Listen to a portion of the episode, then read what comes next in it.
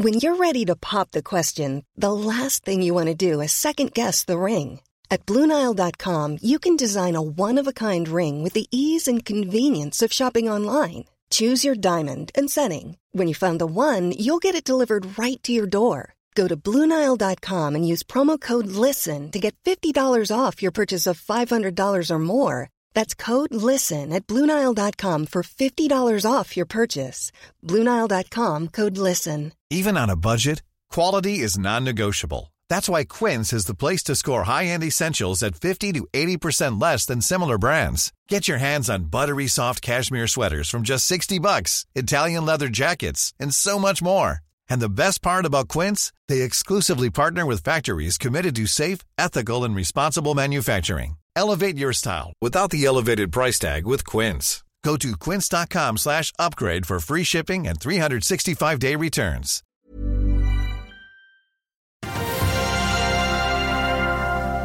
Det er oppgang i vente på Oslo Børs. Kjerneinflasjonen steg mer enn ventet i mars, og vi får besøk av Carnegie-analytiker Eirik Rafdal. Det er tirsdag 11. april, og dette er Børsmorgen.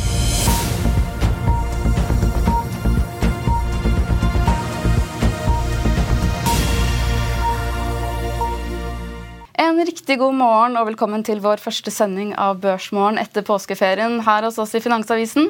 Mitt navn er Benedikte Storm Bamvik, og med meg har jeg aksjekommentator Karl Johan Molnes. Senere i sendingen får vi også besøk av Eirik Rafdal, analytiker i Carnegie. Før vi hopper på dagens program, skal vi gå gjennom utviklingen på Wall Street i går, der de tre hovedindeksene åpnet ned den første handelsdagen etter påskeferien. Utover kvelden klarte de tre toneangivende indeksene å hente seg inn noe, og Dow Jones steg 0,3% mens SMP 500 steg 0,1 Teknologi, Teknologitunge Nasdaq endte dermed handelsdagen med en nedgang på 0,1 i Asia og stillehavsområdet er det for det meste oppgang tirsdag morgen. I Japan stiger Nikkei med 1,3% etter at Warren Buffett uttalte at han planlegger å kjøpe flere nei, japanske aksjer. Ellers stiger Kospi i Sør-Korea med 1,3 Hang Seng i Hongkong er opp 0,1% mens Shanghai Composite er ned 0,4 når det gjelder Oslo Børs, så endte den siste handelsdagen før påskeferien med en nedgang på 0,5% I dag venter både Nordnett og DNB Markets at Oslo Børs starter med en oppgang på 0,2 Oljeprisen, oljeprisen, har klatret med 0,52% siden i går, og et fat nordsjøolje handles for 84 dollar og 74 cent. Det er likevel nærmest uendret siden stengetid på Oslo Børs onsdag før påske. I løpet av morgentimene fikk vi også servert ferske inflasjonstall for mars, der konsumprisindeksen steg mer enn ventet og endte opp 6,5% sammenlignet med mars i fjor. Ifølge, ifølge, seksjonssjef i SSB, Espen Kristiansen, er det fortsatt mange ulike vare- og tjenestegrupper som bidrar betydelig til at prisveksten er høy.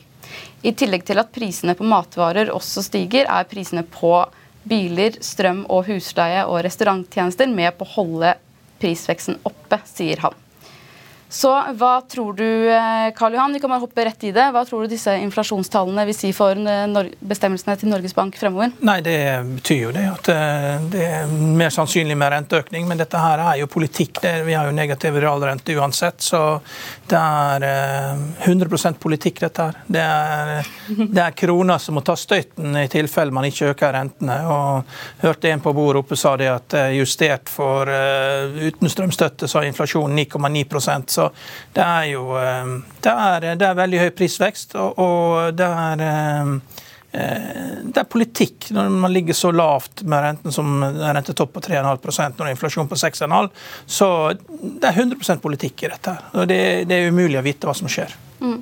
Så dagens tall påvirker ikke Norges Bank indikasjon mot rentetoppen vil ligge rundt 3,5? Det, det, påvirker de største investorene. De, hvis, eh, når de kommer tilbake fra påskeferie, så, så de har sannsynligvis ikke bestemt seg for å kjøpe med en gang, men når de har møter nå, så, så må jo de ta hensyn til at inflasjonen er høy, at rentene blir høyere. og Det betyr at eh, det blir vanskeligere for de å rettferdiggjøre å kjøpe aksjer fordi at de ser at rentene er for lave i forhold til inflasjonen. Så Det øker ikke deres vilje til å kjøpe aksjer. Men det er veldig trege prosesser. Stort sett norske institusjoner sitter og venter på hva utlendingene gjør. Utlendingene kjøper, så selger de. og utlendingene selger, så kjøper de. Og utlendingene de gjør ikke så mye i, i Norge for tiden. Så og bare for å få en oversikt, Neste renteheving ventes å gjøres i mai, stemmer det? Eh, ja, men det er politikk, da, så det vet man jo ikke. Det, vi skal ikke prøve å spå på det. Det er, eh, det er helt umulig. Det har jo også kommet en rekke børsmeldinger også gjennom påskeuken, mens andre har vært på hytta og ute i skisporet. Blant annet fra eh, Bård Drilling. Ja, Det er jo en kjempekontrakt. da. Toårskontrakt, 123 millioner dollar. Mm. Og eh, det er jo eh, mobiliseringsgebyrer og sånn her som gjør at det er litt vanskelig å beregne nøyaktig raten, men dette er veldig positivt. Og, og her har du da eh, åtte kjøpsanbefalinger fra før og et kursmål på 91,50 og en kurs på 80, så kursen i dag skal gå opp. da. Eh, det er bare én analytiker som eh, har kursmål på 66, og alle oljeserviceanalytikerne vet jo hvem det er. Så Vi skal ikke, vi skal ikke drive, drive name-drop her, men det er alltid noen som prøver å være litt for fundamental hele tida. Men de alle andre eh, ligger jo med kursmål på mellom 90 og 105. og både estimater og kursmål kommer til å bli oppjustert. Det, det som jeg synes er mest interessant her, er at det, det, er ikke så mye shorting på Oslo Børs, men det er noen interessante shortere her. altså det Hybridge Capital er short 1,5 ball drilling. Det betyr at det er en annen aksje innen segmentet som er billigere for de å kjøpe. Og, og det er også et Hongkong-selskap, Siganti Capital, med en halv prosent, som også er short ball drilling. Det betyr at de også ser at det er andre aksjer som er billigere i segmentet. Det er uvanlig at det er aktive investorer som er short i Norge. Som regel de fleste som har short, de shorter på kvantitative, de ser på regnskapstallene. Eh, og Det er det som driver short-interessen i Norge. Og så driver de og finpusser litt på disse short-posisjonene sine hvis aksjen da går og ikke går. Men her skal det bli spennende å se om disse aktive investorene her, om de får ta inndekning for Bård-kursen skal opp i dag på dette. her. Mm. Vi ser jo at eh, Handelen er jo allerede i gang, og den Bård Drilling stiger 3,78% Ja, Den skal lenger opp enn det. Ja. den er, er PE på 7,5 på 2024 før de siste matene kommer. og her blir det oppjusteringer. og De kommer til å dette inn i postkassen på e- e-posten i løpet av dagen og i morgendagen. Mm. Nettopp. Og så var det jo også disse meldingene fra kryptoselskapet DLTX. Det har jo kommet nå to meldinger de siste dagene. Den første kom vel eh, hva var det? Påskeaften. Sent ja. på kvelden. ja, det var Da er man litt for lur, altså. Ja.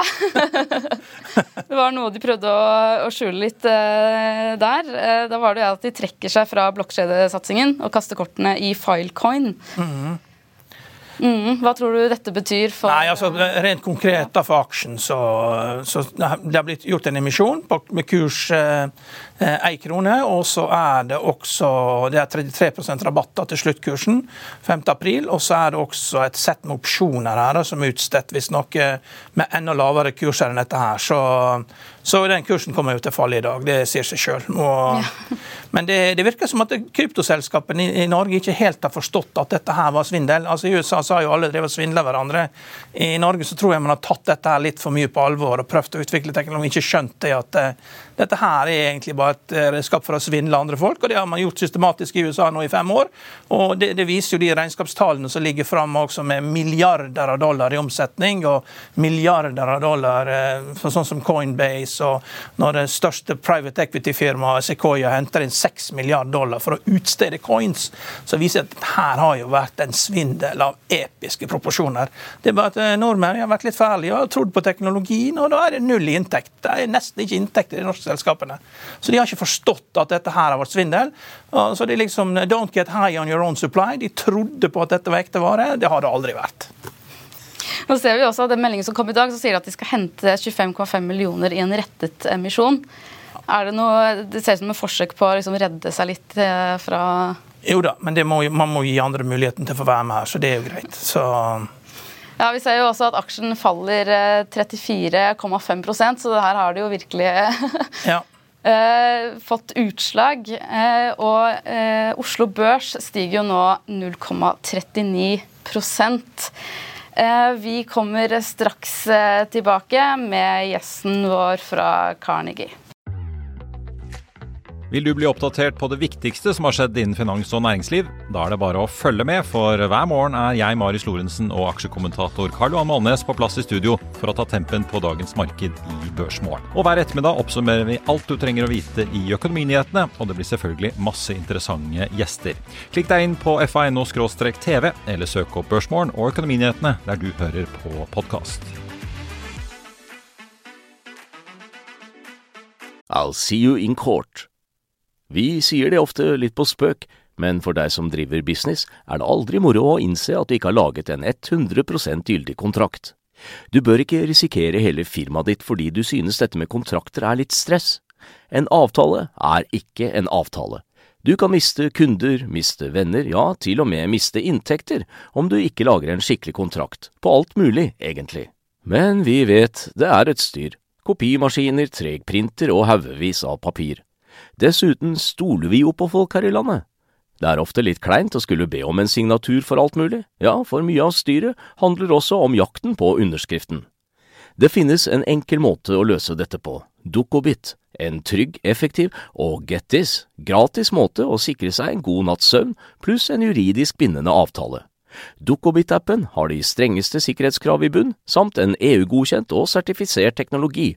Framover vil det bli behagelig å spørre du, skal vi skrive under på det, eller? Kom i gang på dokobit.no. Da sitter vi her med dagens gjest, eh, Eirik Rafdal. Velkommen til oss. Tusen takk. Takk for invitasjonen. Jo, bare hyggelig. Vi skal jo da snakke litt om Autostore, som kom med en eh, melding rett før påske, påskeferien. Eh, det handler jo om da denne rettssaken i Storbritannia. Kan ikke du fortelle oss og walk us through it, eh, denne situasjonen i England? Jo, absolutt. Eh, dette er jo egentlig en del av en større juridisk prosess. Dette pågår både i England, i to ulike det, rettsinstanser i USA, og det pågår også i Tyskland. Så det er jo flere ulike instanser, ulike geografier. Man må holde tunga litt rett i munnen for i noen av disse områdene og rettsinstansene så er det Autostore som er på offensiven. altså at Det er de som saksøker Okado for brudd på eh, patentrettigheter. Eh, mens Okado da har kontret i andre instanser og, påstått kalle det samme om Autostore. da. Så akkurat denne saken, som da ble hørt for et års tid siden i eh, UK High Court. Eh, dette var en sak hvor Autostore var eh, på offensiven overfor Okado. Og der konkluderte da dommeren like før påske med at Autostore ikke hadde belegg for sine påstander, og valgte da å valgte da å si 'rule in favor' av Okado. Nettopp. Og det var jo tydelig å se på Oslo Børs eh, fredagen eh, dagen etter. Da falt den jo 12 eh, Men Autostol var veldig klare på at dette nederlaget i Storbritannia ikke ville påvirke driften. Men så har de jo samtidig veldig mange patenter. Kan dette skape usikkerhet rundt den patentporteføljen? Ja, jeg, jeg, tror det er helt fair å si at reaksjonen øh, reflekterte en, en usikkerhet. Og øh, vi prøver ikke være på en måte naive for viktigheten av patenter. Um, men sånn vi ser på caset, så ser vi på det litt sånn todelt. Vi prøver å ha to tanker i hodet samtidig. Det er den operasjonelle påvirkningen, og så er det påvirkningen for aksjen. Uh, for et selskap og en aksje er jo gjerne to forskjellige ting. Um, og i tillegg til det så ser vi på, på en måte forskjellen på det kortsiktige, mellomlange bildet og det lengre bildet. Um, hvis vi starter med det operasjonelle, ehm, så eh, som vi ser det også, ville ikke dette her egentlig ha noe stor innvirkning på hvordan Autostore driver butikken sin. Ehm, dette var en sak hvor de var på offensiven, ehm, så hvis de hadde vunnet, eh, så hadde det vært annerledes. Da eh, kunne de vært i en posisjon for å få skadeerstatning, for å få royalties for at Okado da brukte disse patentene som de mener at de har brutt, men som dommeren ikke mente de har brutt. Men men at de taper denne saken, det er ikke sånn at dommeren snur det på hodet og sier ja, men dere har brutt Okado sine patenter. Ehm, så det man egentlig kan se på det som, er en sak som man har kjørt, eh, hvor man har tydelig på en måte oppside opsjonalitet. da, med en relativt begrenset operasjonell nedsiderisiko. Så operasjonelt ikke bekymret. Men det jeg tror aksjekursen reflekterer, det er i større grad um, frykt rundt inngangsbarriere på litt lengre sikt. Ikke de neste to, tre, fire årene, men kanskje om åtte, ni, ti år og ut. Hva sier dette? Om eh, de generelle inngangsbarrierene rundt denne teknologien. Eh, kan det komme andre spillere nå som kanskje blir oppmuntret av at de ser sant, at, at, Okado uh, vinner denne saken? Um, det er jo uh, vanskelig å, å, svare på. Um, så der er vi inne på det kortsiktige mot langsiktige bildet igjen. Um, men en siste ting da, som vi også prøver å, å ha i hodet til enhver tid, er at uh, dette er jo et system. Eh, og disse patentene er jo linket til hardware-biten av systemet. Um, men det er en del andre aspekter og falsetter ved totalsystemet som vi tror bygger inngangsbarrierer over tid. Um, noe av det har med uh, rett og slett en first mover advantage. Hvis du ser på den installerte basen til Autostore, så har vel de rundt 1150 90 ulike installasjoner rundt om i verden. Eh, hvis du summerer opp de eh, kall det kjente kubespillerne da, eh, som, som, man vet om i, i, dag, som driver med kubeteknologi i større eller mindre skala. Hvis du summerer opp deres installerte base, så er det vel knapt 100, tror jeg. Så man ligger jo ganske langt foran på den installerte basen. Um, når vi snakker med sluttkundene der ute, sånn ta en XXL, ta en Kid, ta en Boost, ta en Lufthansa i Tyskland, um, så, så, sier de i hver eneste samtale vi har, at um, reliability, så altså pålitelighet, er en av de aller viktigste KPI-ene de ser etter når de skal velge et automatisert system. Um, og det vi også hører er at Det tar veldig lang tid å bygge den påliteligheten i markedet. For Du må ha en stor installert base for å kunne bygge pålitelighet. Men uten pålitelighet så kan du ikke bygge en stor installert base. Uh, så det blir litt sånn der sirkulær jo, Det er jo bare å se på bagasjesystemene på flyplassene, som i Denver og i Berlin og en del plasser. Som, Hvis det ikke funker, så funker stenges jo alt ned. ikke sant? Ikke sant? Ja. Og, og, det er, ja, og, det er, der man også må huske litt at for de fleste av Autostores uh, sluttkunder så handler det ikke om å erstatte allerede, en allerede automatisert løsning. Det handler jo i 99 av 100 tilfeller om å gå fra en manuell til en automatisert løsning. Og akkurat som Karl Johan sier, altså hvis, du, hvis, du, går fra noe som er på en måte trygt og manuelt, til noe som ja, det er mer effektivt på papiret, du skal gjøre de og de kostnadsbesparelsene, men hvis det systemet stopper si under Black Friday, da, og du er en retailer, da har du ødelagt nesten hele året ditt. Og det å ha på en måte den installerte basen, ha den påliteligheten, vite at dette er et system som fungerer, det tror jeg er en sånn inngangsbarriere som kan skape en viss form for nettverkseffekt over tid fremover også. Mm. Nettopp. Du er jo da eh, ganske positiv til eh, aksjecase her. Du har en eh, kjøpsanbefaling liggende med et kursmål på 35 kroner. Eh, men for å dra det litt eh, tilbake til denne patentstriden. altså Okado skrev selv at utfallet betyr at betydelig antall av Autostores patenter er ugyldiggjort. Og patentporteføljen er redusert, og opphavsrettigheter er svekket. Stemmer det? Um, det må jeg ærlig innrømme at jeg syns er veldig tøft å svare på. Ja, um, jeg har sittet, uh, sittet, mange ganger i siste halvannet året og tenkt at jeg skulle ønske at jeg uh, gikk på jussen og ikke på økonomistudiene. For det har jo vært en veldig krevende case å følge. Um, og jeg tror det vi har prøvd å fokusere på, er å ta et steg tilbake og skissere på en måte, kall det det operasjonelle utfallsrommet og hvordan man skal tenke ikke bare rundt patentsaken, men også rundt det større bildet, da, med den installerte basen, med den go to market-modellen de har. altså Egentlig hele forretningsmodellen som er ganske unik, og som jeg tror er vanskelig å replikere. Men, men det som er interessant med Okado, er jo at det er jo en dagligvarekjede som har sitt eget system, og de taper masse penger. Mm. Så det, det, beviser jo ikke at dette her fungerer for en dagligvarekjede. Det er jo som om du tok Oda og så har du et eget system og du fortsetter å tape mye penger. Det gjør jo at du får dagene til å gå og driften til å fungere, men det er jo ikke vits i hvis at du taper milliarder av kroner, sånn som Okado er i ferd med å gjøre. Så jeg kan ikke se at Okado har mye penger til å bli noen konkurrent, men det er jo fordi at dette her er ikke noe som Det er ikke liksom en, en sånn sveitsisk lommekniv som løser alle problemene for deg. Det, det er nice to have. Det er ikke need to have. Det er andre måter å gjøre dette på. og Det virker som at Autostore har hatt nok kunder eh, til å bevise dette. og Likevel så aksjen liksom har veldig høye multipler. og Den må liksom løse noe stort. Eh, det ser bare ut som et nullrenteselskap som har tilført masse kapital, og dette funker ikke. Mm. Ja, øh, jeg kan til, en viss grad være enig med deg. Jeg tror Eh, det jeg opplever, og bare for å ta det første punktet først, da, med Okado og, og lossmaking eh, De eh, investorene jeg snakker med f.eks. i England, som eier både Okado og Autostore, de, de har et litt annet view på hele denne rettssaken enn det vi har i Norge. Her er det jo okay. veldig mye fokus på dette her.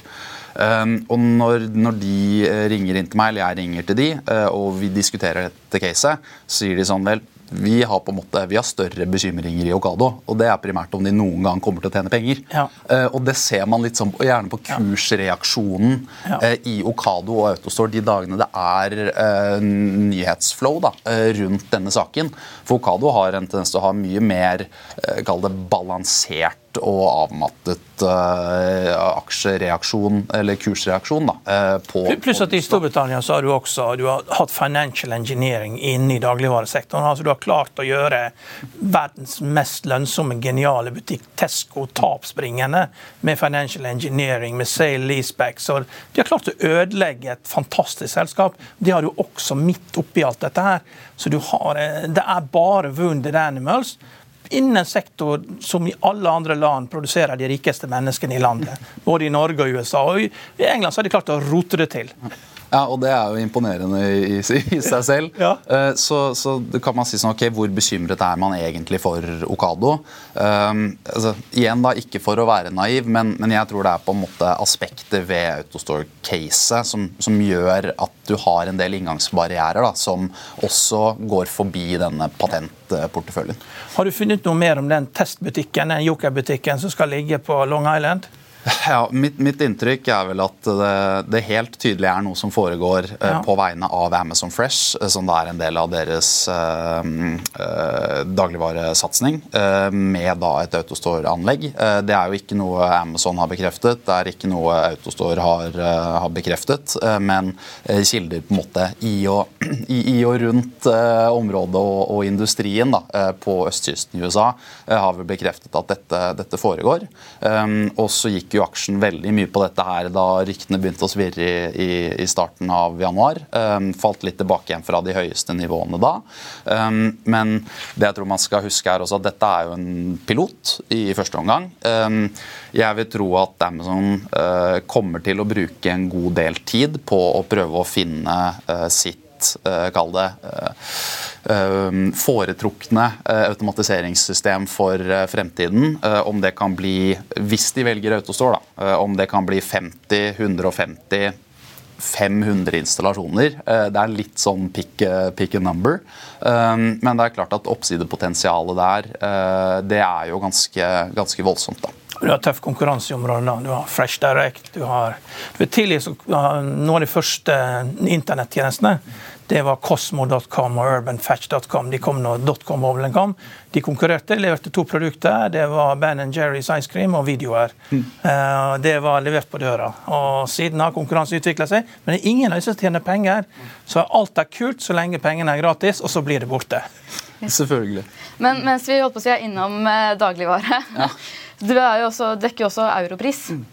Eh, og store deler av fjoråret stemmer det at du hadde en salgsanbefaling på, på aksjen. Men hvor, hvor, står du nå på Europris? Nei, Vi har jo en litt, litt kjedelig holdanbefaling. Eh, så eh, det som er mm, vårt view på det caset, er at vi, vi opplever at vi ser veldig tydelig både nedsiderisken og oppsiderisken. Eh, og så blir det litt sånn på den ene siden og på den andre siden, og så lander vi på midten. Eh, dessverre. Eh, det er mye morsommere å ha på en måte et krystallklart view. På den positive siden så er det åpenbart et eksepsjonelt veldrevet uh, selskap. Kjempesterkt management-team. De har gjort veldig mye rett over veldig mange år, uh, som, som, man ser at de høster frukter av nå. Uh, det er klart de har hatt en covid-boost, men underveis i den perioden så tror jeg de også har tatt en del grep som gjør det til et mer langsiktig og robust selskap. så det er kjempepositivt. Mm, jeg ser jo også at det var I første kvartal så hadde de jo, slo de jo flere forventninger i tallene. der. Ja, og, og det har jo vært litt sånn gjennomgangsmelodien egentlig tre år nå. ikke sant? At de har, en, har hatt en tendens til å eh, hele tiden levere litt bedre enn en, en ventet. Norgesgruppen skal jo begynne å konkurrere med de med noen konsepter. Hvor raskt kommer det? Ah, mitt inntrykk er vel at det er relativt early days. De har vel en to, tre eller kanskje fire sånne pilotbutikker eh, foreløpig. Eh, mitt inntrykk er også at det, det norgesgruppekonseptet går kanskje litt mer tilbake igjen til det Europris var for 10-15 år siden med sant, store europaller, virkelig på en måte big box, og ikke nødvendigvis en sånn veldig kall det attraktiv handleopplevelse. Men de skal ha 100 butikker, det er jo vel like mye som Europris har? er ikke det omtrent? Jo, altså Europris har vel en 250-60 ja, ja. nå, tror jeg. Um, og så er det jo uh, kanskje bedre å se på antall hyllemeter eller noe ja. sånt, uh, men, men allikevel. Uh, det er klart at Dette er jo et konsept som, som, funker, og det har jo Europris bevist over tid. ikke sant? Rusta, Jula, en del av disse andre bredt vareutvalgsspillerne har bevist at dette, dette funker veldig bra. Um, det vi er også på en måte litt bekymret for da, på, på nedsiden her, um, det er um, hvor, hvor godt kan et ekstremt godt selskap gjøre det i et um, marked som uansett er ekstremt utfordrende. I, i den forstand at um, selv uh, selv de beste vil gjøre det dårligere i et vesentlig tøffere marked. Um, og Hvis man går tilbake igjen til kapitalmarkedsdagen fra desember, for eksempel, så ser man jo at halvparten av det de selger sånn røftlig, er jo dagligvare eller dagligvarerelaterte produkter. Um, det vi er bekymret for, er den andre halvdelen, som de kaller speciality retail og general merchandise. Og det er sant, pynteputer, tepper det er sånn do it yourself, handyman-type um, verktøy. Har ikke du tro på pensjonistene? Jeg har kjempetroa på dem. Um, de har jo penger. De har penger, men det jeg også tror, er at de prioriterer kanskje en ekstra Spania-tur. ikke sant? Eller uh, en, en, forlenget uh, sommerferie fremfor mer varer. Uh, så det vi er litt sånn skeptiske til på med på en sånn generelt grunnlag, da, det er jo uh, diskresjonær vareforbruk. Um, vi er mer positive til diskresjonært serviceforbruk, så liksom restaurant, reiser, den biten der. Eh, hvor vi tror det fortsatt er en del pent up demand etter, eh, etter covid. Um, mens vi tror at eh, det bygget seg opp en veldig sånn kompakt kjøpssykkel da, på varer gjennom pandemien. Hvor vi er litt sånn usikre på Eh, hvor, hvor, retningen tar på det. Da. Eh, og Det ser man jo i, i enkelte andre land, som f.eks. XXL, hvor det viser seg å, å, være veldig krevende å selge en del sånn diskresjonære produkter som det ble, bygget, det ble bygget et stort varelager hos konsumenten gjennom pandemien. Um, og, og, det er deler av den biten vi er litt mer sånn usikre på og litt redde for i Europris òg. Du har For oversiktens skyld, hvilken anbefaling er det du har? Du har Hold med kursmål på Uh, ja, Det er jo ikke oppdatert på en liten stund, men det er vel 63 kroner. Så ja, jeg har en liten jobb å gjøre der før uh, previous sesongen begynner, tenker jeg. Ja, ikke sant? Mm. Yes, Tusen takk Eirik, for at du kom hit for å snakke om Autostore og Europris. I løpet av påskeferien ble månedens viktigste tall lagt frem, altså sysselsettingen utenfor landbruket i USA, som økte med 236 stillinger i mars, og er nå på det laveste siden desember 2020. På forhånd var konsensus en vekst på 239 000, ifølge Trading Economics. For en måned siden viste rapporten en jobbvekst på 311 000, jo, 311 000 stillinger i februar. Dette var godt over konsensus på 205 000.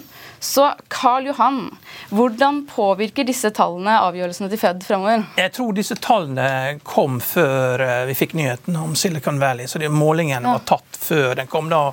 Økonomien reagerer på sjokk. da. Silicon Valley Bank er et sjokk. og Det, det forplanter jo seg i økonomien eh, gjennom Eh, for mange utslag. Nå ser vi at det er en leder for et forsikringsselskap i Sverige som går i dag, konsernsjefen, eh, fordi Alekta har tapt 2 milliarder dollar på eh, Silicon Valley Bank. Da. Men, men dette er en spesiell bank, og det får konsekvenser for finansieringen av alle halvparten av ventureselskapene i USA. Og Det er klart det får ringvirkninger på boligmarkedet, det får ringvirkninger på husmarkedet og bilmarkedet.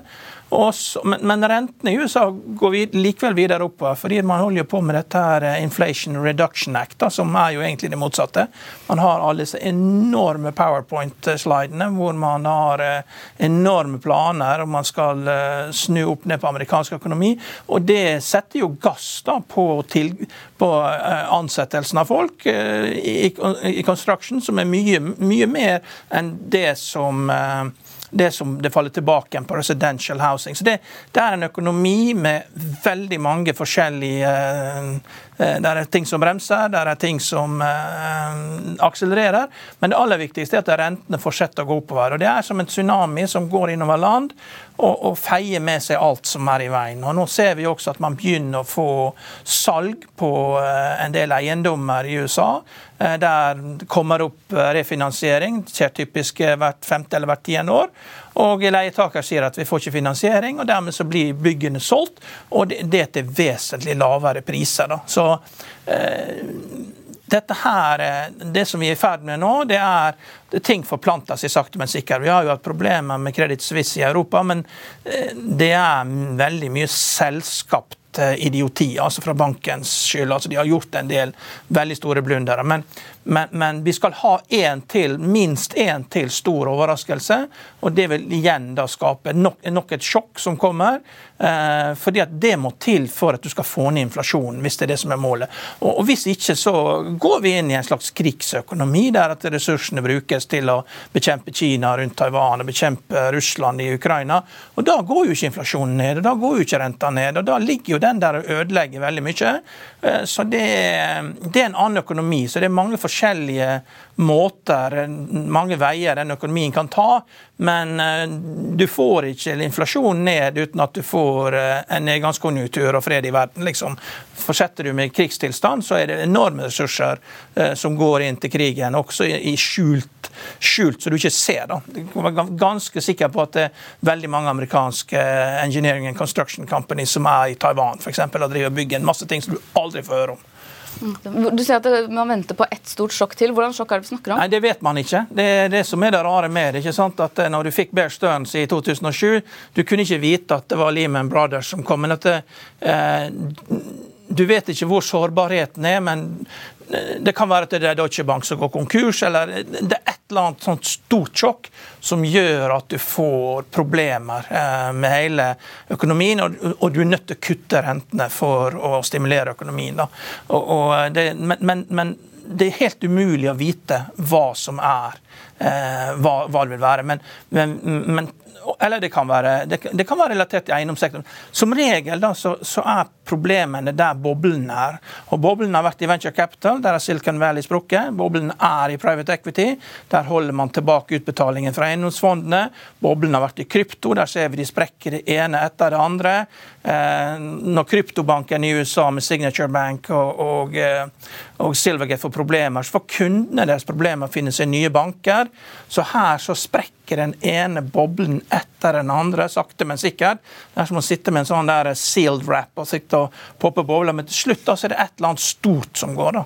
Uh, og det, det, er ikke Alekta som går, Alekta er for stort til det, men sjefene der nå, nå, får de sparken uh, fordi at de har investert i Silicon Valley Bank. Uh, det er en lett den lett løsning problemet. Men, men, men, det kan være at Blackstone ikke sant? Blackstone har jo det er private equity, alternativ, eh, alternativ finansieringer, og er veldig rentesensitivt. Så hvis du ikke får ned inflasjonen, så er det en rekke selskaper som Blackstone og Charles Schwab, en rekke selskaper som du ikke trodde skulle få problemer, de er utsatt.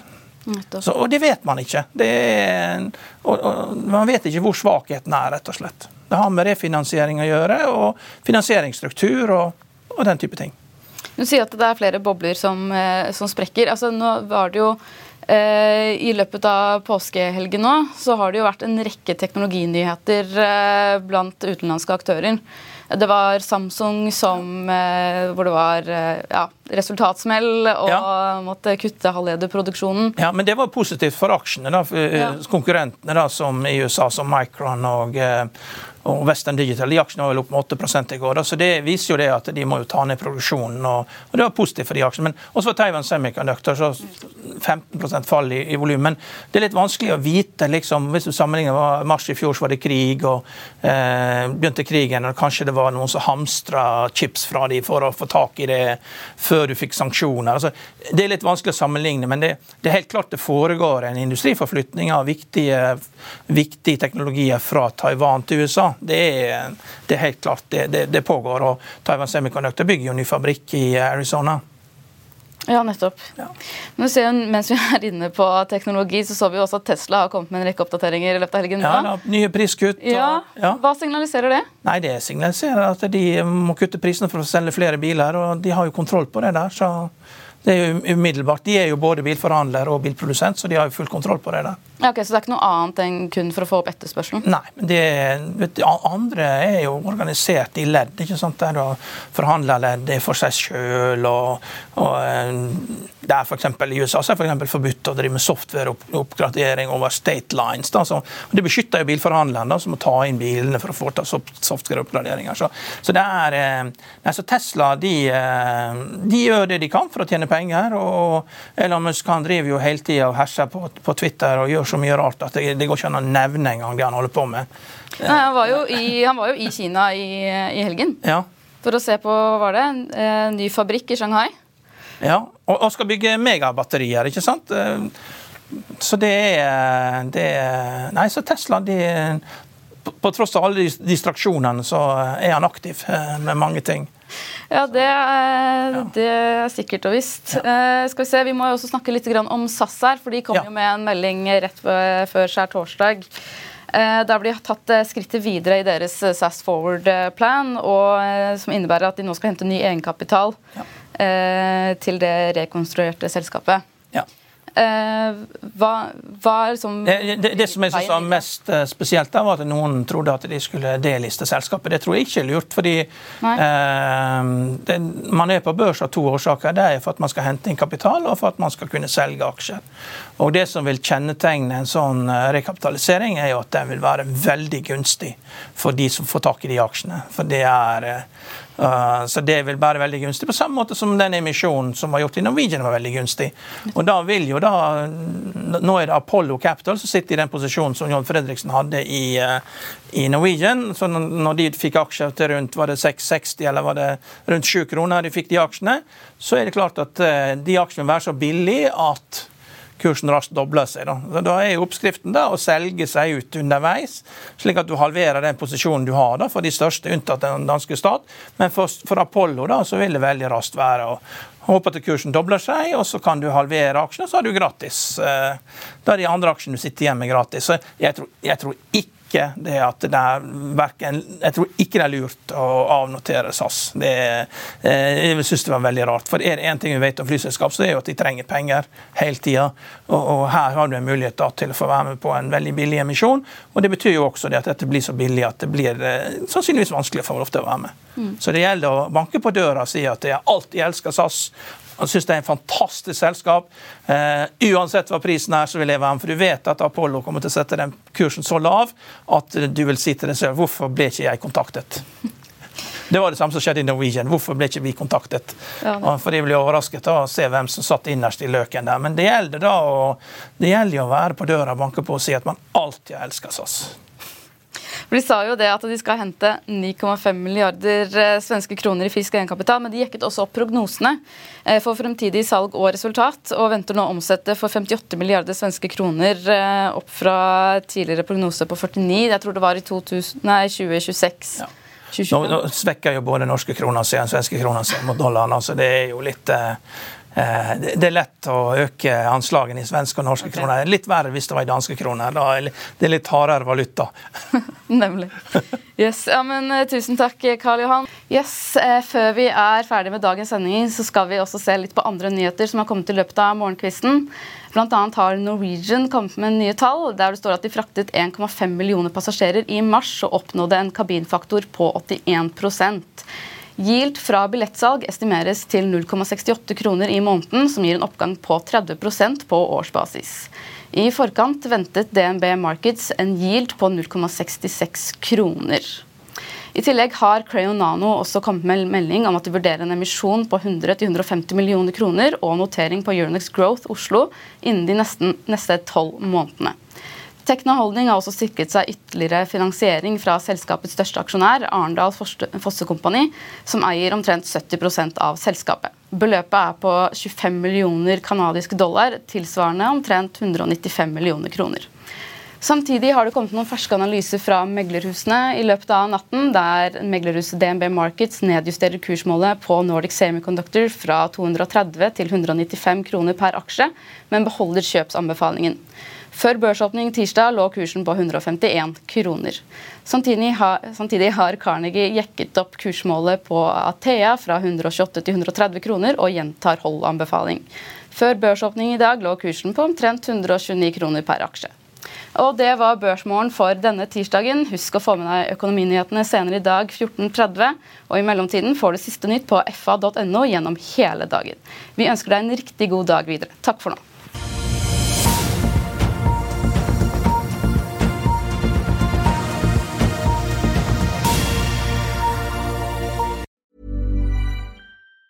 Even on a budget, quality is non-negotiable. That's why Quince is the place to score high-end essentials at 50 to 80% less than similar brands. Get your hands on buttery soft cashmere sweaters from just 60 bucks, Italian leather jackets, and so much more. And the best part about Quince, they exclusively partner with factories committed to safe, ethical, and responsible manufacturing. Elevate your style without the elevated price tag with Quince. Go to quince.com slash upgrade for free shipping and 365-day returns.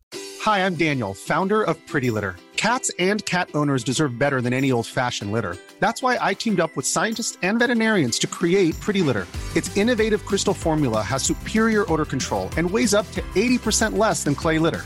Pretty Litter even monitors health by changing colors to help detect early signs of potential illness. It's the world's smartest kitty litter. Go to prettylitter.com and use code ACAST for 20% off your first order and a free cat toy. Terms and conditions apply. See site for details. Økonominyhetene er en podkast fra Finansavisen. Programledere er Marius Lorentzen, Stein Ove Haugen og Benedikte Storm Bamvik. Produsenter er Lars Brenden Skram og Bashar Johar. Og ansvarlig redaktør er Trygve Hegnar.